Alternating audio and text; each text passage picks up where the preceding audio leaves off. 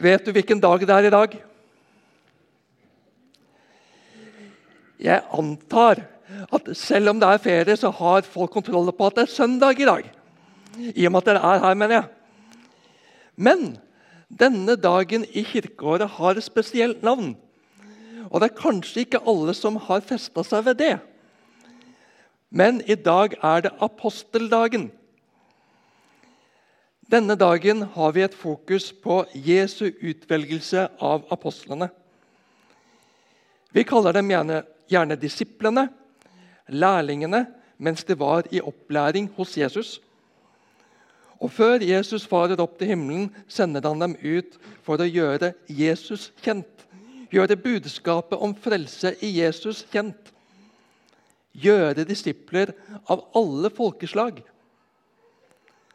Og Når de sendes ut, så kalles de apostler av det greske ordet 'apostello', som betyr å sende ut, derav utsending.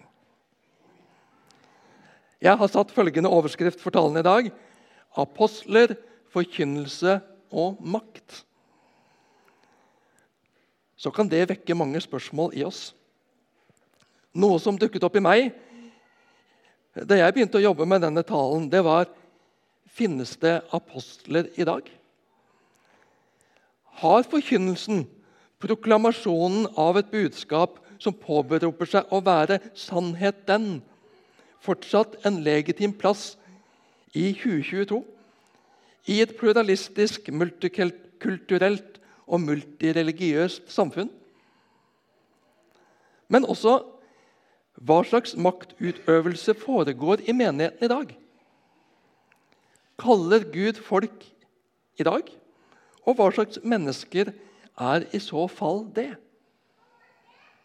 Vi leser sammen Guds ord slik vi finner det i Markus 13, vers 13, vers 3, Markus 3, 13-19. Vi står.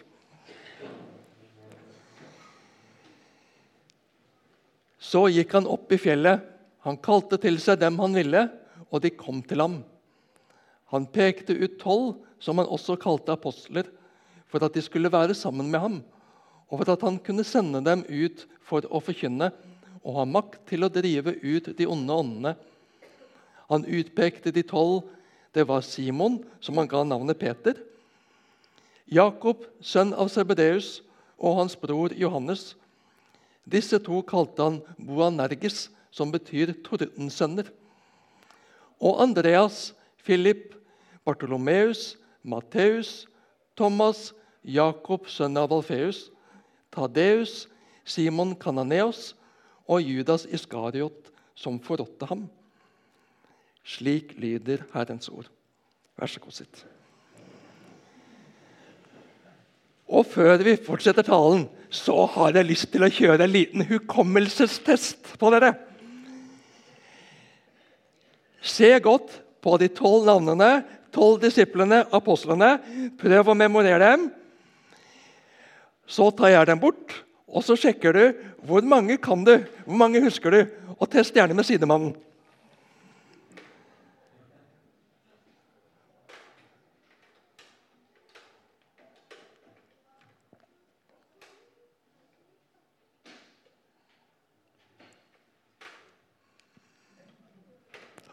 Ikke noe fotografering med mobil. altså Det er juks.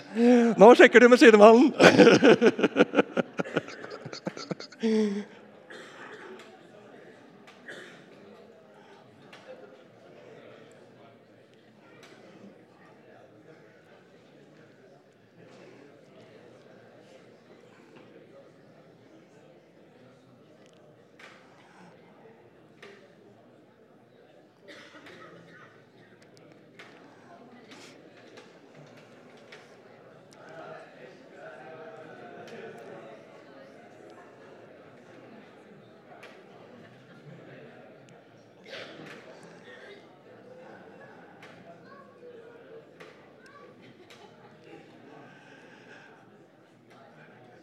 Ok, jeg avbryter det der. jeg.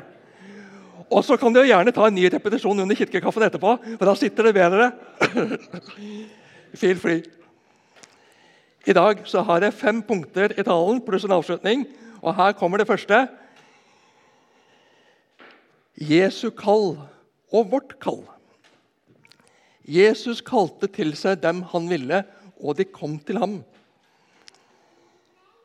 Det første som slår meg, det er hvilken karisma, hvilken makt og lederegenskaper Jesus må ha hatt, som virka slik på folk. At de kom når han kalte dem til seg. Så står det også at noen kom, og noen gikk. Det er så. Det var ikke sånn at alle forble hos Jesus. Og det kan være en tankevekker for oss. Hva slags tilhører er jeg? Er jeg en som kommer og går, eller er det en som hører til i Jesu flokk? Rigger jeg meg slik i livet at jeg får bli bevart hos Jesus, eller lever jeg perifert, så det er stor risiko for at jeg faller fra? At andre ting får Jesu plass i mitt liv og min bevissthet? Men det slår også inn i meg hvilken frimodighet har du og jeg til å kalle andre til oss? Vi inviterer kanskje på kaffe, på middag, til å gå på kafé sammen, til å gå tur sammen. Vi kaller til oss, inviterer til oss mennesker som vi ønsker å ha en relasjon til. Mennesker vi ønsker å ha kontakt med. Ofte så kan vi kanskje kjenne på at det skorter på frimodigheten. Men vi ønsker og vi trenger mennesker rundt oss, nær oss. Kanskje kan vi bli bedre på å erkjenne og anerkjenne nettopp det. Jeg trenger mennesker rundt meg. Og derfor inviterer jeg, kaller jeg, om du vil, folk inn i min nærhet. Det er fullt ut menneskelig og naturlig og livgivende. Så ligger det også i sakens natur at det ikke er ved makt, men ved en invitasjon som viser et ønske. Jeg ønsker deg i min nærhet. Jeg ønsker å bygge relasjon med deg. Og det er sant om Jesus i forhold til deg og meg i dag også. Jesus kaller deg og meg inn til seg i dag. Til nærhet, til fellesskap, til en god og tillitsfull relasjon. Jesus ønsket kontakt i dag. Har du tatt imot invitasjonen?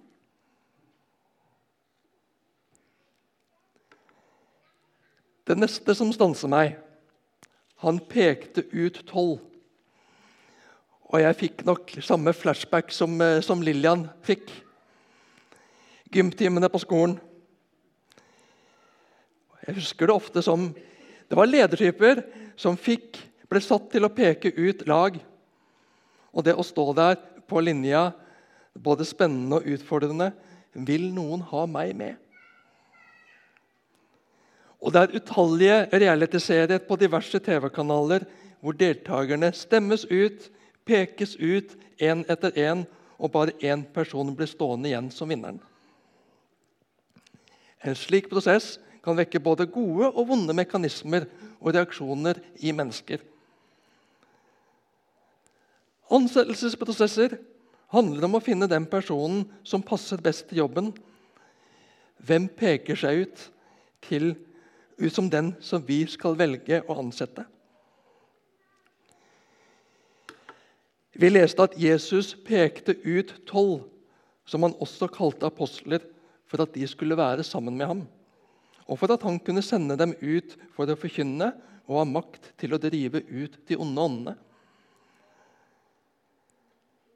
Det må ha vært kjempeutfordrende for Jesus å avgjøre hvem han skulle peke ut til et så stort og avgjørende oppdrag. Hele livsverket sto og falt med dem han utpekte, om det skulle lykkes å nå ut i verden. Håpet og framtiden Jesus ville gi menneskeheten, skulle formidles til hele verden gjennom de han utpekte. Hvem er kvalifisert til et så stort og viktig oppdrag? Uttrykket Uttrykket 'utpekte' kan også oversettes med 'gjorde', 'skapte'. Det handlet ikke om kvalifikasjonene i dem, men han skulle selv gjøre dem til, skape dem til apostler. Det er Jesu verk i dem som han sender ut.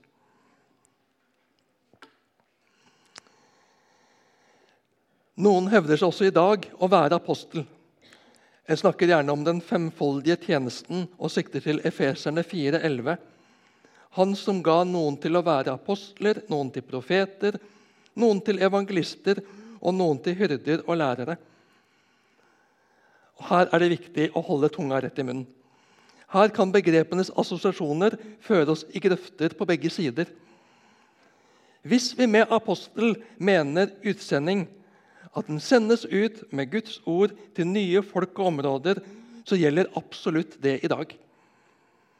Misjonssambandet har ca. 130 utsendinger ute på felt nå. Og Bibelen snakker om nådegaver til å tale profetisk. Og evangelistgaver løfter vi høyt. Og vi snakker om hyrder og lærere i tjeneste i våre menigheter og skoler. Samtidig argumenteres det for at apostlene det var de tolv. De tolv disiplene pluss Paulus. Punktum. I den forstand at de hadde en egen autoritet og rolle. Og det er rett. Vi snakker om apostolisitet som grunnlag for at Skriftet kom med i Det nye testamentet i Bibelen. Og Da handler det om at det var apostlene selv øyenvitnene til Jesu liv og lære selv, som hadde skrevet det, eller som hadde, noen som hadde dem som direkte kilde. Og En slik autoritet har ingen i dag. Du og jeg kan påberope oss et kall. Vi kan påberope oss en tjeneste og en utrustning som gjør at vi kan påberope oss Nei, du og jeg kan ikke påberope oss et kall tjeneste og utrustning som gjør at vi kan påberope oss en særlig autoritet og en særstilling for å motta åpenbaringer fra Gud som skal tillegge samme vekt som Bibelen. Det kan vi ikke gjøre. Og Her utfordres vi i den kristne verden i dag. Det er ikke alle som er like preget av jantelov som oss nordboere. Amerikanere for eksempel, virker til å ha en helt annen lov, uten at det skal karikere for mye her. Men vi ser såkalte kristenledere som er karismatiske og sterke ledere, som tar plass og påberoper seg en autoritet. Ja, mirakler skjer. Men Jesus og frelsen i ham blir perifer og et såkalt Guds rike som skal manifesteres og ta innflytelse i maktstrukturene i verdenssamfunnet i dag, får fokuset. Jesus advarer sine i Matteus 24. Falske Messiaser og falske profeter skal stå fram og gjøre store tegn og under, for om mulig å føre selv de utvalgte vill. Nå har jeg sagt dere det på forhånd. Han har sagt det på forhånd for at det ikke skal skremme oss. For om vi lever, så skal ikke slike få makt over oss. Men om vi soser med, lytter mer til mennesker enn til Gud, lytter mer til mennesker enn til Gud i Hans ord, så kan en ha navn av å leve, men i realiteten er en på vei til å dø. Og da er en et lett bytte. Ingen skal få tilta seg en autoritet, verken ved å kalle seg apostel eller profet eller utbasunere med stort engasjement og kraft. Så sier Herren. Og så kommer ens egne ord. Det er ditt og mitt oppdrag som kristne å være våkne og prøve alt på Guds ord. Og det har vi fått, alle sammen. Det er ikke forbeholdt prestestanden eller teologer. Martin Luther med flere hjalp oss med det, med boktrykkerkunst og oversettelse av Bibelen til folkets språk. Og Da er vi på vei over i det neste som stansa meg. Han pekte ut tolv, som han også kalte apostler, for at de skulle være sammen med ham. være sammen med Jesus. Uttrykket 'å være sammen' Å være sammen kan være så mangt. Alt fra kjæreste, familie, venner, kollega til noen som en møter tilfeldig et sted og tilbringer noe tid sammen. Når Jesus utpekte noen til å være apostler, så var det helt grunnleggende at de i første omgang først og fremst skulle være sammen med ham. Jesus ville ha dem nær seg. Han ville være sammen med dem, bruke tid med dem, snakke sammen, spise sammen, være på tur sammen, oppleve sammen. Jesus ville ha dem nær seg. Her en kveld så hadde Siv, kona mi og jeg ikke noe spesielt på programmet. Vi bare var sammen. Så litt på TV sammen, fikk noen inntrykk sammen. Vi spiste sammen. Vi prata sammen om gleder og utfordringer, fortid, nåtid og framtid. Vi var nær hverandre på en sånn måte at det knyttet oss nærmere til hverandre. En kjærlighet, respekt, lytte til hverandre, vokse nærmere hverandre. Som mennesker i 2022 er mange av oss opptatt av alt vi skal gjøre. Alt vi skal få til. Alene eller sammen med andre. Jesus hadde noe han ville sette apostlene til, men det var helt grunnleggende for å kunne gå ut i oppdraget at det var en levende relasjon. Og for å ha en levende relasjon må man være sammen. Tilbringe tid sammen. Dele tanker og følelser, opplevelser, gleder, sorger, forventninger sammen. Å være sammen med mennesker det gjør noe med oss.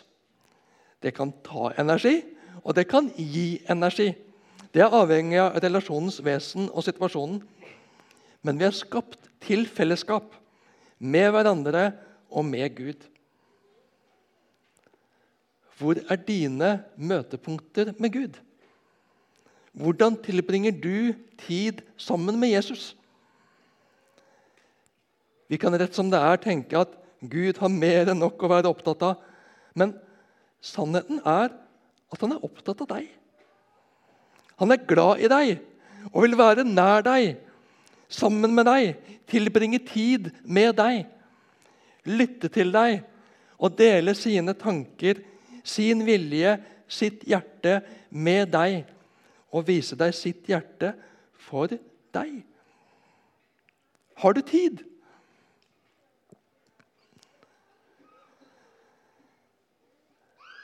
Så kjenner jeg at jeg må ta sats når jeg skal gå inn i det neste punktet. For dette syns jeg er krevende. Forkynnelse og makt. Det er krevende, for jeg er jo pastor. Det betyr at jeg forkynner ganske ofte. Jeg får til og med betalt for det. Lønna mi kommer av det dere gir i kollekt. Heldigvis har vi organisert oss slik i Misjonssambandet at lønna mi ikke svinger med kollekten den enkelte søndag. Det ville være en fristelse både for pastor og for menighet. Så må jeg erkjenne at gjennom min rolle som pastor og forkynner, så har jeg makt. Det er utrolig viktig for meg å ikke misbruke den makten, men bruke den på en sunn og god måte. For vi har dessverre en del eksempler både i vårt eget land og i andre land hvor det har blitt avslørt at slik makt har blitt misbrukt. Han pekte ut tolv, som han også kalte apostler, for at de skulle være sammen med ham, og for at han kunne sende dem ut for å forkynne og ha makt til å drive ut de onde åndene. Det er et privilegium å få lov til å forkynne. Å få dele med andre budskapet om at Jesus er Herre at Jesus har sonet verdens synd og åpnet veien til Gud, vår far. At vi skal få gjenforenes med far gjennom Jesus. Gjennom troen på Jesus. Ta imot det Jesus har gjort for oss. Satans makt er brutt. Jesus har overvunnet alt det onde.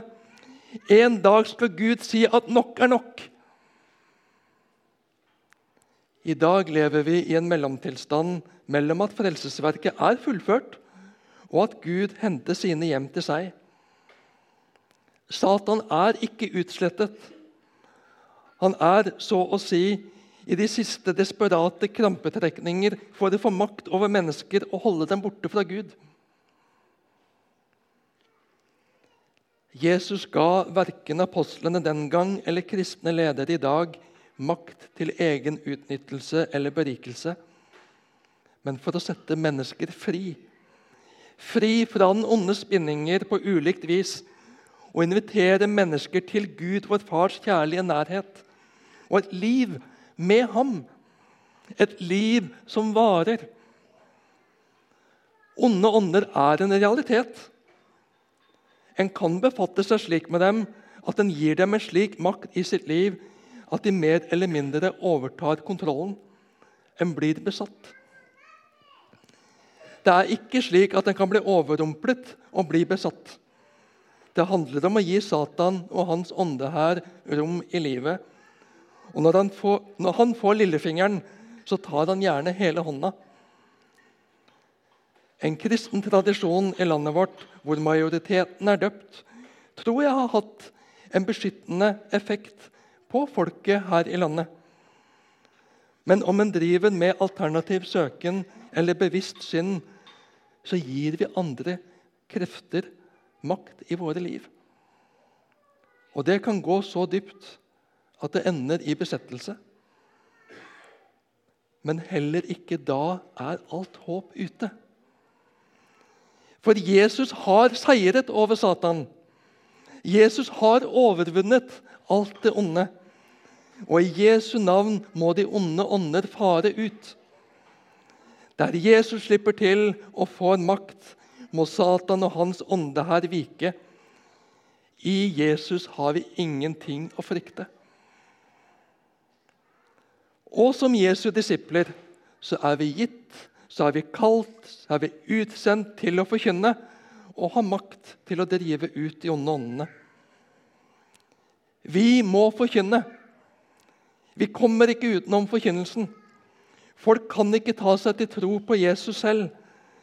Evangeliet bryter med menneskets religiøse tankegang. Det må formidles, det må proklameres, det må forkynnes. Selv om det bryter med gjeldende tankegang i samfunnet. Selv om det provoserer, selv om det oppleves utdatert, udiplomatisk og intolerant. I Romerne 10 leser vi Hver den som påkaller Herrens navn, skal bli frelst. Men hvordan kan de påkalle en som de ikke er kommet til tro på? Og hvordan kan de tro på en som de ikke har hørt om? Og hvordan kan de høre uten at det er noen som forkynner? Og hvordan kan de forkynne uten at de blir utsendt? Som skrevet står, hvor fagre deres føtter er. Som bringer fred, som bringer et godt budskap. Så kommer da troen av forkynnelsen som en hører. Og forkynnelsen som en hører, kommer ved Kristi ord.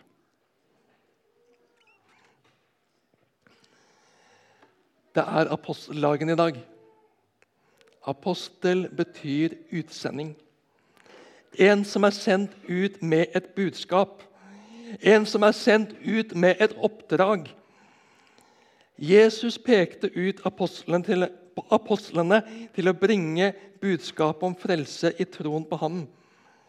Tilgivelse for syndene og nytt og evig liv med Gud. Ut til alle folkeslag, ut til alle mennesker.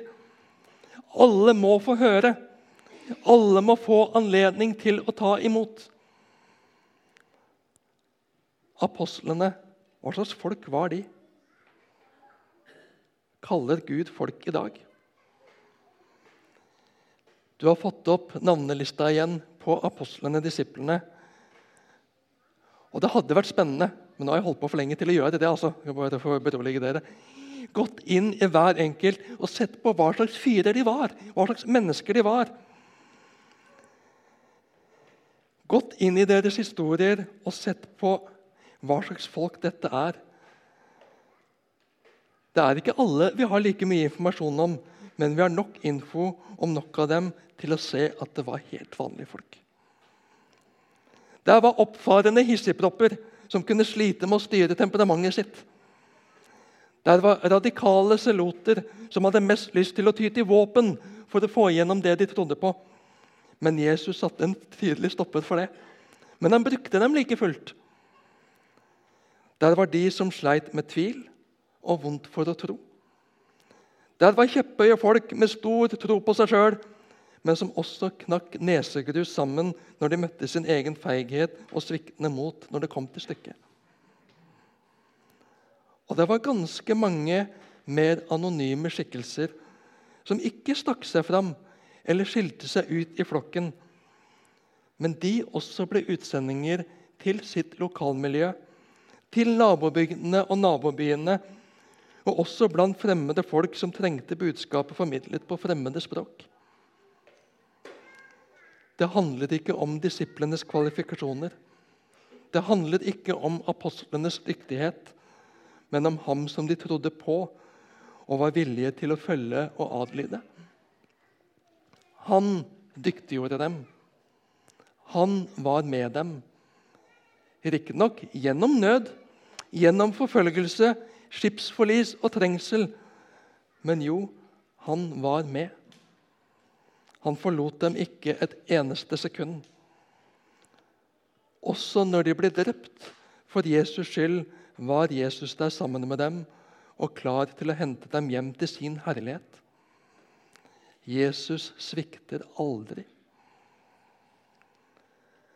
Og der er du og jeg i samme båt, som disiplene som apostlene.